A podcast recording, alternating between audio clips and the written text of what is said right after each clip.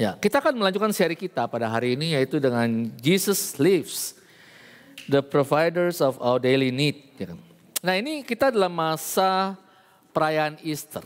Nah, perayaan Easter itu rupanya nggak cuma sebentar ya. Kebangkitan Yesus Kristus kita merayakan cukup lama kalau dalam dalam tradisi gereja itu selama tujuh minggu, ya kan. Selama tujuh minggu dia mereka merayakan kebangkitan Yesus setiap minggu sampai pada waktu Pentakosta itu ke waktu Yesus diangkat ke surga. ya kan. Jadi ini uh, kita masih tetap dalam kon, dalam pemikiran ketika Yesus mati dan bangkit untuk kita kembali ke sini ya. Dan karena dia bangkit, dia juga yang memenuhi kebutuhan kita sehari-hari. Nah, ketika Yesus mati dan di kayu salib, ini sedikit review ya. Sedikit review. Ketika Yesus mati dan di, di kayu salib dan dan bangkit kembali. Bukan hanya dia mati dan bangkit, tapi dia juga memberikan suatu contoh bagi kita apa artinya kalau kita mau percaya pada Yesus. Ya. Apa artinya kalau kita mau ikut Yesus. Ya. Jadi waktu Yesus datang dia berkata, repent for the kingdom of God is at hand. Bertobatlah karena kerajaan Tuhan sudah di sini. Ya. Maksudnya apa? Jadi bertobat itu bukan hanya waktu dulu saya waktu mulai percaya saya pikir wah bertobat tuh hanya yang penting kita mau terima Yesus kita berdoa beres ya kan? Yes as I am kata Billy Graham ya. Benar yes, tapi bukannya stay as I am. Kita waktu terima Tuhan kita just as I am. Kita siapa saja silakan datang ke Tuhan. Tapi bukan berarti kalau kita sudah datang ke Tuhan kita mau stay as I am ya kan? Seperti nggak mau berubah-berubah. Enggak ya kan? Waktu bilang repent itu berarti kita mau hati kita berubah dari yang dahulu menjadi yang baru, ya kan? Nah, Yesus kasih kita contoh. Ketika Yesus mati di kayu salib, dia bukan kita melihat hidup Yesus itu penuh dengan planning. Yesus ini master of planning, ya kan? Dia bukan hanya, wah secara nggak sengaja rupanya Yesus dihukum di kayu salib. Enggak, dia sudah merencanakan dari awal. Before the beginning of time maybe, we don't know, ya kan? Kapan dia rencana? Tapi kita sudah tahu bahwa rencananya apa pun yang Yesus lakukan, yang terjadi dalam kehidupannya, itu yang kita harus ikuti. Waktu kita bicara, saya repent. Ya kan? Mungkin kita bisa lihat slide selanjutnya. Kita lihat. Ketika kita, waktu dia bilang repent and follow Christ. Ya kan? Artinya apa? Kita juga, kita bilang repent, kita mau membawa kita hidup kita ini ke kayu salib. Bukan hanya Tuhan saya percaya terima engkau sebagai Yesus Tuhan dan Juru Selamat. Good. Terus kita dibaptis. Good. Tapi dibaptis ingat, waktu dibaptis kita ngapain? Baptism itu simbol dari apa yang terjadi di hidup kita. Bahwa kita sudah mati bersama dengan Yesus dan bangkit lagi bersama dengan Yesus. Ketika Yesus berjalan membawa salib, dia berjalan di gunung di Bukit Golgota, dia ke puncak Bukit Golgota, dia disalibkan di sana. Kita pun membawa salib kita, kita berjalan membawa tubuh kita, si aku kita yang lama ke sana untuk disalib bersama dengan Yesus, untuk mati bersama dengan Dia. Ini hidup kita yang lama. Jadi ini punya suatu meaning yang sangat luar biasa, ya kan? Jadi bukan hanya wah saya mau percaya beres, saya nggak mau berubah. Itu bukan repent namanya. Kalau kita mau bertobat itu artinya kita mau membawa siapa si aku kita yang lama, kita mau ikut Yesus, membawa si aku yang lama ini ke kayu salib, disalibkan mati bersama dengan Yesus supaya kita bisa bangkit lagi bersama dengan Yesus hidup yang baru.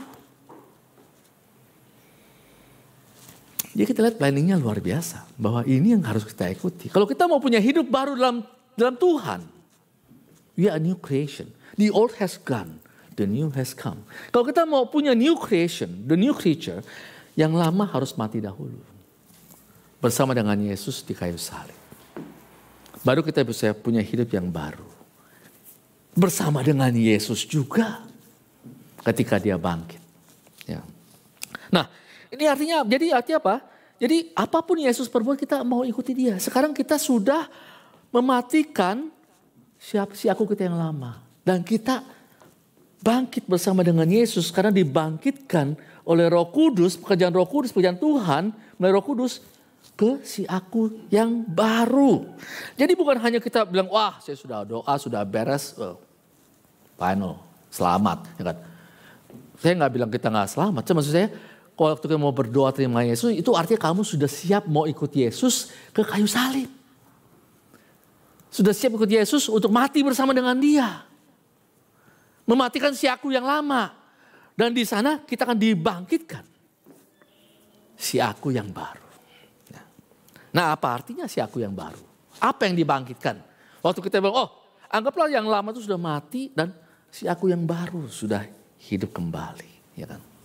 Nah saya nggak tahu dengan kebiasaan kita selama lockdown, tapi yang jelas istri saya punya kebiasaan yang baru, ya kan? Punya hobi baru yaitu dia suka uh, tanaman, ya kan? Tanaman.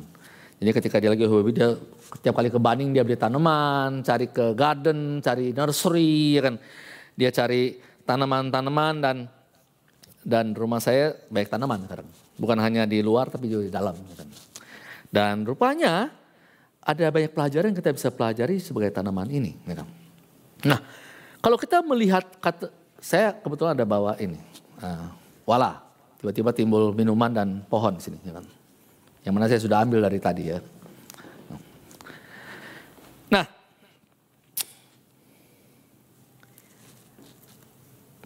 uh, rupanya saya dapat pelajaran baru. Saya dulu tahunya kita itu harus nanam biji untuk bisa tumbuh pohon segala macam. Rupanya enggak ya. Rupanya enggak. Rupanya di rumah saya itu banyak pot-pot yang seperti di gambar ini bahwa pot-pot itu ada airnya dan ada daun-daunnya sana. Ya. Yang jelas ini daunnya saya nggak ngambil dari istri saya punya pohon karena dia sudah menghitung berapa daun yang ada di rumah. Jadi dia tahu ya kan. Bisa kata kebasa nggak ngomongan seminggu mungkin gara-gara satu daun ya kan. Ya. Jadi ini hidup kita yang lama. Ya kan? Hidup kita yang lama. Hidup kita yang lama kita barunya akan mati anyway. Dia nggak nggak nggak nggak ada sumbernya di sini, ya kan? Dia akan mati. Ya. Nah, untuk kita punya hidup baru kita harus mati dahulu. Tuhan melepaskan kita dari hidup kita yang lama. Dia lepaskan? This is our new life, ya kan? Our new life. Now we live in the living water. Oke. Okay? So, untuk kita bisa hidup yang baru, kita perlu lepas dari hidup kita yang lama dahulu. Nah, rupanya daun dikasih begini bisa hidup. Dan ini akan bertumbuh pelan-pelan. Dia akan mulai keluar daun-daun kecil, ya kan? Sebagai pertumbuhan. Jadi waktu kita sudah hidup di living water, Yesus bilang, I'm the living water, ya kan? Kalau kita sudah hidup di living water, hidup kita mulai akan berubah. Enggak, enggak langsung harus drastis langsung wah kelihatan daun segala macam. Enggak. Pelan-pelan kita akan tumbuh, ada gerakan. Kita mulai sensitif terhadap gerakan roh kudus di hidup kita. Dan bisikan roh kudus di pikiran kita. Ya kan? Apa yang Tuhan mau nih. Ya kan? Kita mulai bergerak dengan dengan cara yang baru. Pemikiran yang baru. Kita akan hidup dalam kerajaan Tuhan. Sesuatu yang baru dalam hidup kita. Bukan lagi di kerajaan, domain of darkness. Tapi transfer us to the kingdom of his beloved son. Bukan lagi kerajaan kuasa kegelapan tapi dalam kerajaan Yesus Kristus. Nah dalam kerajaan Yesus Kristus, kalau kita ngomong satu kerajaan, hari ini kita konsep kerajaan kurang jelas. Karena kita nggak ada. Di Indonesia kita republik, ya kan. Jadi nggak ada namanya raja. Jadi kita tahu di, di Inggris mungkin masih ada konsep raja walaupun nggak seperti dahulu, ya kan. Queen Queen of uh, England itu masih punya power yang cukup besar, ya kan? Walaupun nggak seperti dahulu. Dulu punya kuasa sangat luar biasa. Apa pun tergantung Queen, apa tergantung King, ya kan? Nah, kita ngomong kalau dalam kerajaan ada King, yaitu raja yang mengatur semuanya, yang punya hak, yang punya domain untuk mengatur semuanya. Nah, kalau kita tinggal dalam kerajaan Tuhan, kita harus tahu apa yang Tuhan ingin kita kerjakan di sini. Kita harus tahu punya cara pemikiran yang baru. Bukan dengan cara pemikiran yang lama. Dulu kita tinggal dalam kerajaan yang gelap. Kita punya pemikiran secara dunia. Dunia pikir begini, kita begini. Dunia pikir begitu, kita ikutin begitu. Ya kan? Tapi Tuhan bilang enggak. Sekarang kamu sudah hidup dalam kerajaan sorga. Kamu harus berpikir melewati kacamata sorga. Apa yang penting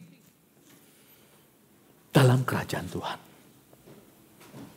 How everything works in the kingdom of God. The new thinking. Ya. Nah, dengan background seperti itu, kita melihat bahwa kita masuk hidup dalam kerajaan Allah berarti kita under his protection. Kita akan bicara khususnya hidup dalam kerajaan Allah itu banyak hal yang terjadi. Tapi yang yang satu aspek kita akan bicarakan nanti kita akan live under God's protection. Apa artinya? Ya. Di Mazmur 23 ayat 1 berkata demikian. The Lord is my shepherd, I shall not want. Tuhan adalah gembalaku. Aku takkan kekurangan. Takkan kekurangan aku. Ya. Terus kita pikir, eh kayaknya aku banyak maunya ya. I have a lot of wants, ya kan? I shall not wants. Tapi itu kok enggak enggak secara praktikal itu di hidup saya kok kayaknya saya masih banyak wants-nya ya. Ya kan? The Lord is my shepherd. Yes, amen. Ya kan? But I have a lot of wants. What happened? Karena we are learning to live in the kingdom of God. Slowly and slowly we understand. Kita mulai mengerti apa artinya live under his shepherdship. Punya shepherd seperti Yesus itu artinya apa? Kita mulai mengerti ketika kita berjalan dalam bertumbuh dengan Tuhan sehari. Kita mesti lihat bahwa ini bertumbuh enggak secara drastis ya. Saya taruh sini sebelum tumpah ya. Tapi bertumbuh secara uh, pelan-pelan. Kita mulai berubah cara pikir kita bahwa oh kita mulai melihat Yesus sebagai uh, benar-benar memperhatikan kita setiap hari, memperhatikan apa yang kita butuhkan sebagai shepherd yang memperhatikan seluruh kebutuhan domba. Kebetulan kita dapat dapat uh, apa uh, kalau kita analoginya sebagai domba dan kebetulan domba itu adalah binatang yang cukup bodoh ya kan. Jadi kita dianggap secara pemikiran kita ini bodoh karena baik khawatirnya ya kan. Nah, tapi kalau kita berpikir hari ini seperti apa ya? Kita mungkin tinggal di Australia, ada berapa dari kita sudah menjadi citizen, ya kan? Ada mungkin yang belum citizen, ya kan? Saya belum citizen karena saya punya aset triliunan, do, triliunan rupiah di Indonesia, saya belum jual ya kan. Jadi saya belum mau jadi citizen ya kan. Nah, sekaya itu sih. Ya. Mungkin berapa juta rupiah ya kan. Ya. Tapi sebagai citizen, kalau kita sudah jadi citizen, itu kuasa Australia itu bukan hanya bekerja di Australia. Ya kan? Tapi kalau kita ke mana pun, saya ingat beberapa tahun yang lalu ketika ada dua dragis yang di Bali yang ketangkep uh, yang mau dihukum mati. Ketika ini penjahat mau dihukum mati. Itu pemerintah Australia sampai ngelobi ke Indonesia begitu keras ya supaya jangan dihukum mati, ya kan? Supaya jangan dihukum mati. Penjara semua dulu. Ketika dia tetap dihukum mati, hubungan dengan Australia itu sangat jadi retak seperti pada saat itu ya. Karena dua orang dragis, ya kan? yang sudah walaupun sudah bertobat menjadi anak Tuhan di sana, ya kan? Tapi itu karena kita mau membela, kita mau membela citizen Australia. Ya kan? Nah kalau kita punya paspor Australia, ke mana pun kita pergi, kita akan dibela oleh pemerintah Australia. Nah itu artinya under the protection of Australian government. Nah, now we are living in the under the kingdom of God. We are under the protection of God, the living God. Ya kan? Bayangkan berapa besarnya. Seharusnya Tuhan yang menciptakan segala sesuatu, kalau kita di bawah under his protection, kita seharusnya wah tenang ya. Nggak usah khawatir apa-apa ya. Tapi enggak. Kita banyak khawatir, kita banyak wonnya. Jadi kekhawatiran itu berhubung dengan won. Karena kita ada won, kita khawatir. Kita ada maunya, kita khawatir. ya kan? Kita ada concern, kita khawatir. Nah kita akan bicara pada hari ini dari Matius pasal 5 eh pasal 6 ayat 25 sampai 34 ya kan. Do not be anxious ya kan. Do not be anxious. Jadi anxious itu kayak khawatir, jangan khawatir, worry ya kan. Nah, saya nggak bilang wah kita nggak perlu teknikal di sini bahwa anxious itu seperti worry yang kayak apa, yang kayak apa. Saya begini, kita itu worry untuk hal-hal yang kita peduli. Ya. Hari kita dengar wah COVID di India begitu luar biasa. 315, 320 terus meningkat. Apa kita khawatir? Kita hanya khawatir kalau kasus itu ke sini. Tapi kalau kita mendengar, wah COVID ini luar biasa di Lampung misalnya. Kebetulan saya di Lampung. Merajalela di mana-mana orang kena COVID. Nah, saya khawatir. Kenapa? Karena saudara saya tinggal di sana. Mama Mary, Cici Mary tinggal di sana. Ya kan? Mulailah kita khawatir. Jadi untuk hal-hal yang kita nggak nggak nggak gitu peduli kita nggak gitu khawatir. Ya. Kita khawatir untuk hal-hal yang kita peduli, ya kan? yang yang kita concern. Ya. Nah, di sini kita akan belajar bagaimana caranya hidup dalam kerajaan Allah. Tadi kita bicara Mazmur 23. Itu tentang hidup dalam kerajaan Allah. Ketika Yesus kasih Sermon on the Mount, khotbah di bukit ini, ini juga Yesus selalu beritakan bagaimana cara kita hidup dalam kerajaan Allah. Apa artinya hidup dalam kerajaan Allah? Ya. Jangan, I, therefore I tell you, do not be anxious about your life. Ya. What you will eat, or what you will drink, or what, nor about your body. Jangan kamu khawatir mengenai hidupmu. Apa yang kamu makan, apa yang kamu akan minum, dan apa akan tentang tubuhmu, apa yang akan kamu pakai. Nah satu hal kita harus pikir, eh ini basic necessity. Ya. Kalau kita nggak makan kita mati. Kalau kita nggak minum kita mati. Ya kan? Kalau kita nggak pakai baju kita kedinginan bisa mati juga. Misalnya gitu. Gak ada baju. Ini ini bukan kita bilang Jangan khawatir soal handphonemu merek Samsung atau iPhone. Jangan khawatir soal mobilmu merek Honda atau misalnya Mercy kan. Ini bukan soal masalah-masalah yang yang suplemen ya, yang yang yang secondary. Ini masalah premier, ya kan. Ini harus kita khawatirkan sebenarnya kan, benar toh, ya kan. Ini penting loh. Kita nggak makan mati loh, ya kan. Kita nggak minum mati loh. Kita nggak ada baju kedinginan musim dingin mati. Misalnya gitu ya. Penting. Ya kan? Kok tuh jangan kamu khawatir. Dunia khawatirin soal ini. Tapi Yesus bilang begini. Karena ada yang lebih penting daripada soal makan, minum, dan pakai. Nah, kalau secara dunia kita pikir, wah dunia harus pikirin ini, ini kita harus khawatirin. Kita harus cari makan, cari minum, cari mungkin rumah yang lebih besar. Apa ini pokoknya untuk in, in life, bagaimana supaya maju in life. Yesus bilang, no, no, no. In your life, as in the kingdom of God, dalam kerajaan Tuhan, ada yang lebih penting bahkan daripada basic necessity of life. Ada yang lebih penting dari itu. Ini kira cara pemikiran yang baru. Tuhan mandang kita, hei kamu pikirnya harus cara yang baru, jangan cara yang lama. Cara yang lama ini yang paling penting, benar. Ya kan? Tapi cara yang baru, jangan kamu worry about those things. Ya. Karena your life is more important than food. And your body more important than clothing. Apa yang lebih penting? Dua minggu yang lalu saya ikut komsel di di rumahnya Johan.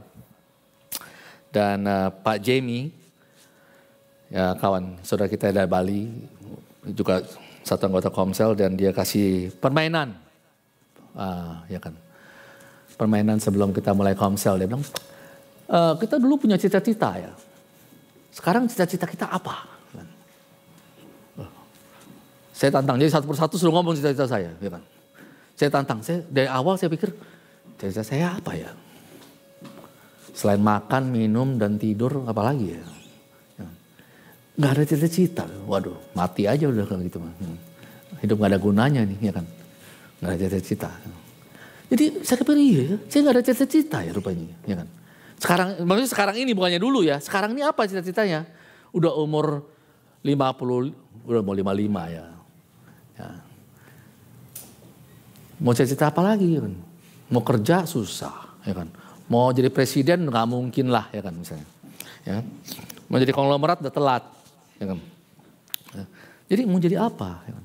Iya jadi apa? Jadi bingung, ya kan. Akhirnya saya bilang nggak ada loh. Ya. Tapi punya, tapi saya kepikiran itu pertanyaan penting. Apa cita-cita kita? Ya kan?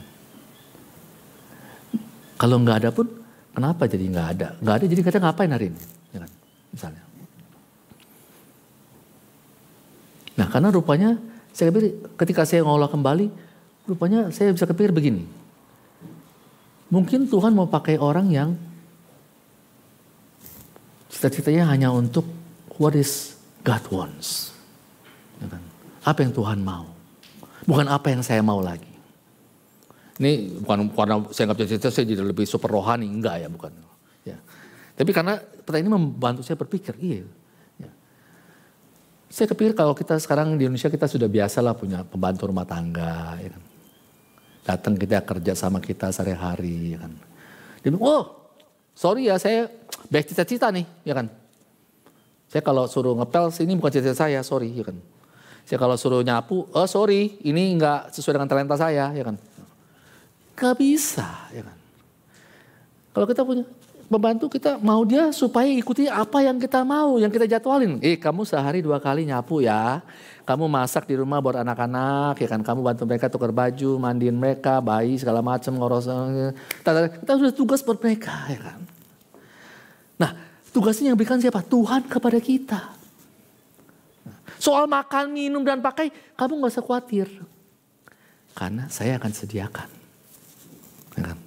Jadi pembantu rumah tangga itu kalau bisa kita ngomong secara kasarnya, pada hari ini mereka datang kerja kita nggak khawatir, wah besok saya makan apa pak, ya kan? Ini nanti minggu depan menunya apa nih pak, ya kan?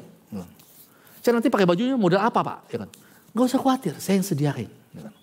Seperti kita begitu, kalau sebagai kita hamba Tuhan, kita sebagai hamba Tuhan bahwa pada hari ini kita yang hidup sudah dibangkitkan bersama dengan Yesus, tinggal dalam kerajaan sorga, hari God will take care of you of your basic, most important things in life. What you will eat, what you will drink, what you will wear. That shouldn't be your concern anymore.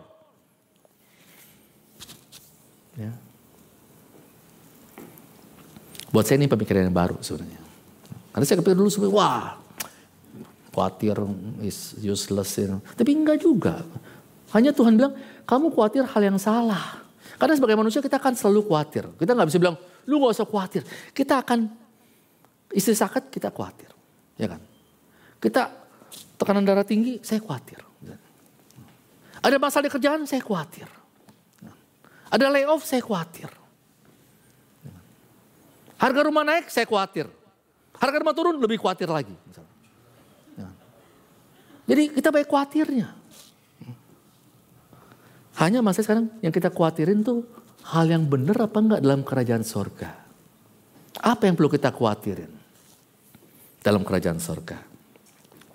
Nah, terus uh, ayat berikutnya berkata, Look at the birds in the air. They neither sow nor reap nor gather into barns and yet your heavenly father feeds them. Nah, lihat burung di udara. Lihat burung di udara. Bagaimana mereka? Ya. Nah bukan berarti bahwa kita sekarang ikut jadi burung nggak usah planning, nggak usah apa, nggak usah kerja, misalnya. enggak. Ya. Tapi maksudnya gini, burung nggak nggak nggak nggak nabung, dia nggak nanam, nggak nabur, nggak nuai, tapi mereka Tuhan take care of them. Tuhan menjaga mereka setiap hari. Ya kan? Maka sudah disediakan tinggal mereka mereka harus terbang cari makanan, nggak bilang, "Wah, makanan tiba-tiba nongol di tempat depan mereka, sarang mereka, udah ada makan, gak usah ke mana-mana. Enggak, mereka harus terbang, cari ke mana-mana, ya kan. Jadi mereka harus tetap aja kerja, cari gitu. Tapi mereka nggak khawatir soal begini, kenapa? Karena Tuhan yang menjaga mereka. Bahkan kita ini lebih daripada burung di udara katanya. Waktu pandemik mulai kita ada lockdown, wah semua pada khawatir. Ya kan? Khawatir kerjaan saya bagaimana, saya kerja di kafe, saya kerja di hospital, uh, kerja di hotel, saya kerja di restoran, bagaimana kerjaan saya ya kan. Langsung government keluar, hei kita ada job keeper. Kita khawatir sebelum job keeper, wah begini kerjaan saya kan, yang IT mungkin nggak masalah. Saya kebetulan di bagian kurir nggak masalah juga, malah lebih rame pada saat itu karena orang lockdown kerjanya ngoder online terus ya kan. Nah teman yang yang di bagian kafe khawatir kerjaan saya bagaimana? Siapa yang gaji saya? Yang punya kafe juga khawatir. Bagaimana saya bisa kasih mereka gaji? Kawan bilang, no we have job keeper. Ya kan? Uh, tenang. Ya kan? Santai. Ya kan? Istriku kerja, tetap kerja di kafe. Dua jam sehari, tiga jam sehari, sendirian di kafe. Satu orang sehari cuma tiga orang datang beli kopi. Ya kan? Nggak ada lagi yang datang, semua shopping center tutup di sekeliling dia. Tetap kerja. Tapi nggak khawatir kenapa? Gaji tetap datang, bahkan lebih besar gajinya. Ya kan? Mudah-mudahan ada lagi job keeper, ya kan? Seri kedua. Yang manusia nggak pernah puas begitulah, ya kan? Ya.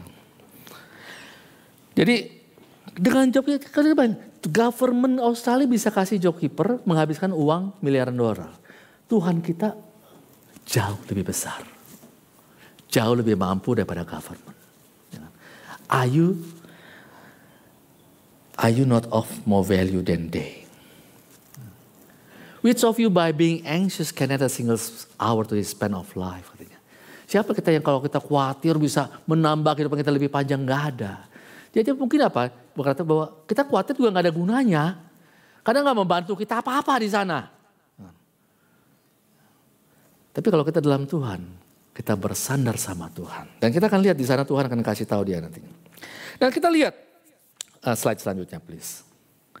Why are we anxious about clothing? Ya. Nah ini gambar saya di di waktu saya berapa tahun lalu ke New Zealand, ya kan. Kita waktu jalannya, eh di pinggir jalan ada lupin, ya kan. Lupin liar. Nggak ada yang tanam, nggak ada yang pelihara, nggak ada yang siremin. Wah kita, wah bagus amat ya kan. Kita berhenti ngambil, tahu sendiri istri, yang minta berhenti jelas istriku karena dia yang paling suka ambil picture. Kan. Dia suka share di Facebook segala macam.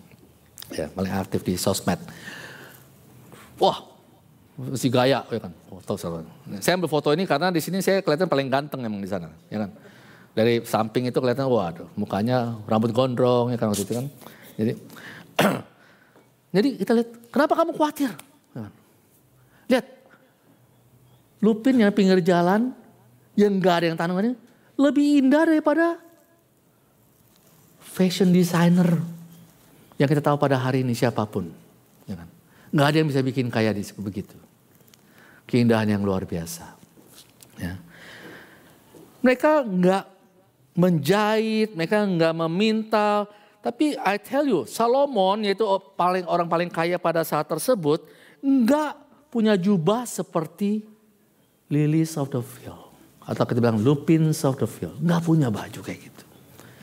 Nah kalau Tuhan bisa bikin lupin liar yang hari ini ada besok sudah nggak ada misalnya. Dengan begitu indahnya, masa Tuhan nggak bisa take care of kita? Ya kan? Nggak bisa take care of kita, oh basic necessity of life. Nah, will he not much more clothe you, O you of little faith? Maksudnya apa, O you of little faith? Ya. Mungkin waktu kita khawatir, Khawatir soal makan, minum, pakai. Kita boleh pikir, wah kalau saya khawatir berarti saya ini kurang percaya ya sama Tuhan. Ya. Tuhan bilang saya ini mini faith. Ya kan? Mini faith. Faith saya ini mini. Pernah lihat orang mini yang kecil-kecil itu ya? Ya kan? Saya ini mini faith. Ya kan? Jadi saya ini kurang percaya bahwa Tuhan ini sanggup. Ups. Sanggup untuk menjaga saya, untuk memenuhi kebutuhan saya, untuk cover whatever I need. Ya kan? Kita nggak usah ngomong soal macam-macam segala macam barang merek, tapi kadang hari ini kita punya banyak distraction ya. Kita kadang-kadang baju, saya terus terang punya baju agak banyak. Ya kan? Mungkin nggak sebanyak yang lain, cuman saya agak banyak. Jadi kadang kita bisa milih baju apa satu deret ya kan. Tapi kita kebutuhan kita nggak sebanyak itu. Dan Tuhan sanggup cukupin apa yang kita butuhkan. Dan bukan apa yang kita mau jelas. Kita harus jelas dulu sini. Ya kan? Kita yang mau, Tuhan mungkin nggak sanggupin. Eh hey, Tuhan saya pengen beli handbag merek Hermes. Oh, Louis Vuitton is good, you know, they have new, new design, stuff like that.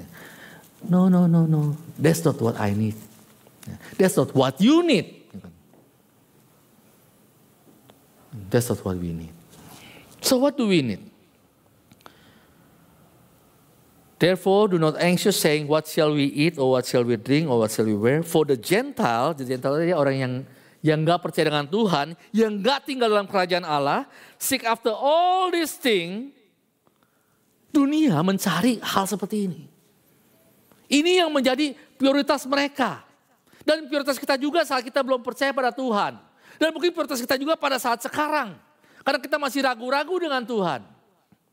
Tapi Tuhan mau mengubah cara kita berpikir bahwa no, Dunia berpikir this is what we looking for. Ini yang kita cari. Ini yang penting di hidupmu. Tapi God say, no, this is not the most important thing in your life. God will take care of it, but you seek first the kingdom of God and his righteousness. Seek first the kingdom of God and his righteousness. Carilah dahulu kerajaan Allah dan kebenarannya. Kita sekarang sudah hidup dalam kerajaan Allah. Kita sudah mati dan kita sudah bangkit. Kita harus tahu dalam kerajaan ini apa yang penting di mata Tuhan dalam hidup kita ini. Ya kan? Apa yang penting, apa yang Tuhan ingin kita kerjakan pada saat ini. Hidup saya ini untuk apa di sini? Untuk apa saya datang ke gereja di sini? Untuk apa saya punya saudara di sini? Ya kan? Untuk apa? Sehari-hari saya untuk apa? Untuk kerja oke. Okay. But that is not the most important thing. Seek what God wants. Kita lihat firmannya. Kita pelajari, kita doa sama Tuhan. Tuhan, kamu mau saya apa? Oh mungkin ada saudara saya yang kesepian. Tinggal sendirian di apartemen, gak punya kawan. Mungkin saya ke sana jadi kawan dia. Simple thing. Gak perlu hal yang wah saya harus dikirim ke Afrika. Ya kan? Atau ke India untuk menghealing COVID di sana. Enggak. Karena kita akan kena COVID juga nantinya. Simple thing. Mungkin ada kawan kita sedang punya masalah. Keuangan sedang struggling. Kita tahu dia struggling, kita datang bawa masakan. Kita secara materi mungkin lebih mampu. Mungkin hal kecil, mungkin dia nggak begitu butuh, tapi dia appreciate, oh somebody care for me. Jesus care for me. Our life, harus kasih tahu, kita tinggal di Australia sangat individualistik. Apalagi yang punya keluarga, wah kita sibuk dengan anak kita, sekolah anak kita, bagaimana mereka living. That's good, this is our ministry too. Kita harus take care of our children. But they are not the only one. We have to make sure that kita menjalankan apa yang Tuhan mau kita kerjakan. Bukan hanya keluarga kita, tapi bagaimana dengan saudara kita yang lain. Ya. Bagaimana dengan di gereja ini ada banyak teman kita, bukan hanya di gereja ini, tapi juga banyak orang-orang sekitar kita yang butuh banyak orang di Indonesia yang butuh hal-hal yang simpel yang kita bisa kerjakan. Nggak perlu kita punya gelar profesor, doktor segala macam. Mungkin kita punya kerja sederhana, kita secara materi sanggup kita bantu, kita punya waktu sanggup, kita bantu ke sana. Why not? Jadi ketika kita di kingdom, fokus kita bukan lagi pada what is now, tapi fokusnya pada what is in the kingdom. Kita sedang bersiap-siap menuju kehidupan yang akan datang. Kita harus tahu bahwa ini bukan kehidupan kita selamanya di sini. We will go to the next life. What is the next life? We are preparing for that. Apa pun yang kita kita lihat di sini sebelum masuk dalam uh, Matius pasal 6 ayat 25 tadi, itu Yesus bicara soal laying up your treasure. Menimbun hartamu di sorga. Apa yang punya sifat kekekalan? Ini yang harus kita cari dalam hidup kita. Bukan hanya materi, materi, materi. Have a new thinking. Cara berpikir yang baru, paradigma yang baru dalam kehidupan kita. Jangan berpikir seperti orang dunia. Mereka berpikir yang salah. Mereka, wah ini yang cari. Itu benar. Itu penting, ya kan? God knows we need them all katanya. Tuhan tahu kita perlu. Kasih ke Tuhan. God, you know I need them. Enggak berarti kita jadi malas nggak mau kerja. Enggak, kita kerja tapi this is not our focus. Ya. Saya kerja sebagai kurir. This is not my focus. Ya kan? Enggak berarti saya jadi lazy. Enggak, saya tetap kerja. Kerjakan apa yang saya harus kerjakan dengan rajin. Walk every day misalnya dengan rajin. Tapi this is not my focus.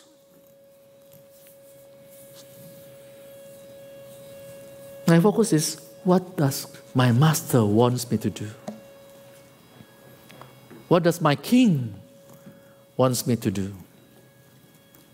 Apa yang rajaku inginkan, aku kerjakan. That should be our focus. That should be our concern. That should be our worry. Ya kan? Ini yang harus kita perhatikan. Kalau kita nggak tahu, cari tahu. Mungkin kita nggak mau tahu selama ini. Kita sibuk dengan masalah sini, masalah sana. Kita nggak ada waktu untuk mencari tahu. Karena kita nggak mau siapkan waktu sama dengan Tuhan, spend time with Him. Let Him talk to us, tell us what to do. Mungkin melalui Sunday worship, kita dengar khotbah, kita diingatkan sesuatu. Mungkin waktu kita pulang, kita di jalan, Tuhan kasih kita suatu ingatan sesuatu. Kita melihat sesuatu dan kita diingatkan, wah saya perlu begini nih. Ya kan? Spend time. Cari tahu. This is the most important thing. Seek first the kingdom of God and his righteousness. Fokus di sana. And all these things, kata Tuhan, will be added unto you. Yang kita perlukan, Tuhan akan kasih. Gak usah kamu khawatirin. Gak usah kamu pusingin. God will give it to them. So to live under his protection means kita punya king yang sangat mengasihi kita. Yang mati bagi kita. Yang mengorbankan nyawanya bagi kita. Dia mengerti siapa kita. Dia tahu siapa kita. Apa pun yang kita hadapi setiap hari. Kebutuhan apa pun yang kita hadapi setiap hari. Tuhan tahu. We have this king as our king. Kita punya raja yang seperti ini. Ya. Maka kita ada nyanyi tenanglah jiwaku. Kenapa? Apakah benar-benar lagu itu melambangkan jiwa saya yang tenang? Atau lagu itu hanya sebagai lagu saja? Nggak ada aplikasinya di hidup saya. Ya Terus terang saya pun, nah saya ini proses ya. Sebagai kita pohon yang bertumbuh, daun yang bertumbuh. Kita struggling, kita mulai belajar. Apa artinya bersandar sama Tuhan? Daily we growing daily we get stronger, daily our faith is growing. Kita mulai depend more and more to God. And we grow. And we grow. Karena dia adalah the good shepherd. And we can rely on him. Kita bisa bersandar pada dia sepenuhnya. Dan kita tahu dia mengasihi kita. Dan dia tahu dia punya otoritas atas segala yang ada di dunia ini. Let's rely on Him. Let's give everything to Him. Mari kita bangkit berdiri.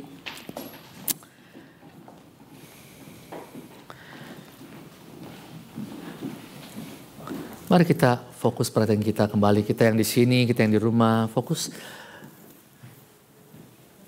Apa kita tahu? Apa yang Tuhan mau kita kerjakan di hidup kita? What is the most important thing in life that God wants me to do right now in my life? In my life.